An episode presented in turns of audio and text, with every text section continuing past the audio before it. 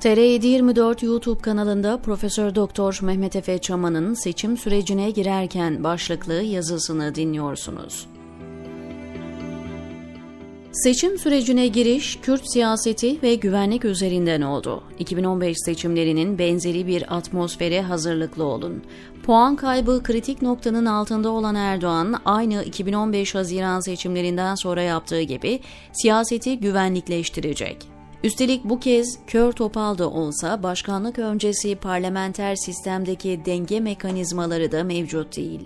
İstedikleri sistemsel değişiklikleri yapmış olmanın özgüveniyle hareket ediyor. Kozlar elinde karar mekanizmalarını kontrol ediyor, istihbarat bürokrasisini tekeline almış, orduyu zayıflatarak güdümüne sokmuş. Ötesinde yargı bil fiil kontrol altında. Tabiri caizse astığı astık, kestiği kestik türü bir sistem kurmayı başardı. Esasen 99 yıllık Cumhuriyet rejiminin az buçuk da olsa elde olan tüm kazanımlarını tüketti. Son kilometre taşı 2023 seçimleridir. Bu engeli de aşarsa Türkiye tam otoriter bir rejim haline gelecek.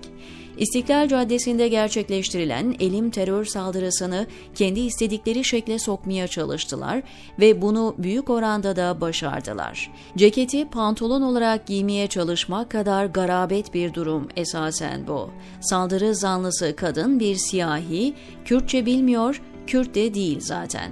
Kadının kendi ifadesine göre IŞİD'li. Bizzat IŞİD savaşçısı olan bilfiil savaşmış kardeşleri var. Bunlar IŞİD etkisini yitirdikten sonra ÖSO'ya geçmiş. Sıkça karşılaşılan bir saha profili. Bu ÖSO denen at hırsızı kılıklı cihatçı manyakları destekleyen tek bir ülke var, o da Türkiye. Daha önce IŞİD'i ve El Nusra'yı destekledikleri gibi bugün de onların türevi olan grupları destekliyorlar.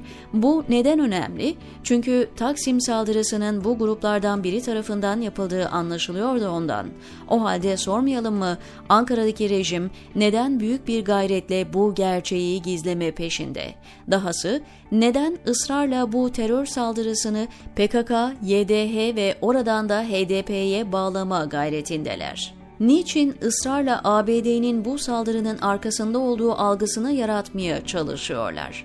Gerçekleri görmek ve yanıtları bulmak çok zor değil. Seçimlerden önce ortamı güvenlikleştirerek önce içeride HDP'yi yasaklayacaklar ve kapatacaklar. Bu sayede HDP'nin birinci parti olduğu yerlerde AKP birinci parti gelecek. Meselelerden biri bu aritmetiktir. Diğer yaklaşım da bunun tamamlayıcısı olacak. YPG'nin üzerine giden bir hava ve akabinde kara harekatı başlatıp Türkiye güvenlik tehdidi altında mesajını yayacaklar. Toplumu bu algı üzerinden Erdoğan'ın başkanlığına ikna etmeye çalışacaklar. Bu koşullar oluşturulduğunda oy oranlarının yükseleceğini hesaplıyorlar. Yükselmenin sonucunda az buçuk masa başında da etkilerini kullanıp bir dönem daha Erdoğan'ı başkan yapmayı hedefliyorlar.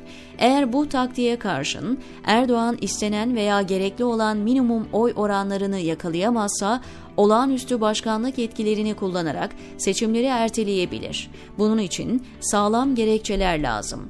Bunları üretemeyeceklerini mi zannediyorsunuz?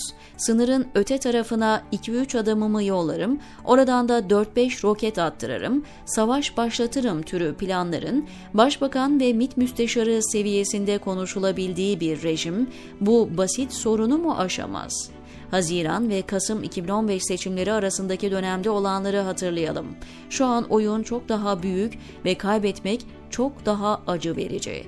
Bunu göze alamazlar. İktidarda kalmak dışında bir olasılıkları yok. Bu dediklerimi yapacaklar. Hatta daha da fazlasını yapacaklar. Çünkü dediğim gibi alternatifsiz durumdalar. Uluslararası tepkiler bu planları özellikle de Suriye'de kara harekatını engelleyebilir. Fakat bu sadece teoride. Çünkü ellerinde bazı kozlar var ve bunları kullanmayacaklarını düşünmek saflık olur. En başta Batı'yı Suriye'deki kara harekatına razı etmeleri gerekiyor. Bunu yapabilmek için NATO'da İsveç ve Finlandiya'nın üyeliklerine karşı kullandıkları vetonun kaldırılması söz konusu olabilir. Batı buna razı olacaktır. Çünkü bu iki ülkenin NATO'ya katılımı küresel güvenlik bakımından olmazsa olmazdır. Suriye Kürtleri IŞİD'le mücadele konusunda Batı'ya özellikle de ABD'ye büyük destek oldu. Esasen bu mücadelenin başarılı olması eğer Suriye Kürtlerinin inanılmaz desteği olmasa gerçekleşemezdi. Fakat Trump döneminde ABD askerlerini bölgeden çekti ve ABD himayesi altındaki Kürtleri Erdoğan rejiminin ve Esad rejiminin yani Rusya'nın inisiyatifine terk etti. Türkiye bunun sonrasında bölgeyi işgal etti ve yüz binlerce Kürdü yersiz yurtsuzlaştırdı, bölgede demografik mühendislik yaptı. Esasen Birleşmiş Milletler müktesebatına göre bir soykırımdır bu. Şimdi koşullar Batı'nın ve ABD'nin göz yummasına çok daha müsaitken Erdoğan'ın bu fırsatı kullanmayacağını düşünmek naiflik olur. TSK'yı oraya sokacak. Sonra da geniş çaplı ve görece uzun süreli bir işgale girişecek. Bu savaş ortamında içeride istediği taktik avantajları elde etmeye çalışacak. Muhalefet büyük olasılıkla bu askeri harekata destek verecek. Her zaman bunu yaptılar ve her zaman bu nedenle Erdoğan ve derinler kazandı. Bu kez neden farklı olsun? Erdoğan, MHP ve derinler stratejilerini açığa vurdular. 2023 seçim mücadelesine bu koşullarda başlanmış oldu. Türk Silahlı Kuvvetleri eskiden olsa bu tür iç siyasi olaylarda enstrüman olarak kullanılmayı kabul etmezdi. Fakat 15 Temmuz 2016 sonrasında her iki general ve amiralden birini hain ve terörist ilan ettiler. Türk Silahlı Kuvvetleri bünyesindeki general amiral kadrosunun %50'sinden bahsediyoruz. Ayrıca tüm subayların %25'ini yani dörtte birini yine hain ve terörist ilan ederek hapse tıktılar. Bu zafiyet içinde TSK'dan bir itiraz gelmeyecektir. Erdoğan ve derinler TSK'yı kendi rejim muhafızlarına dönüştürdüler.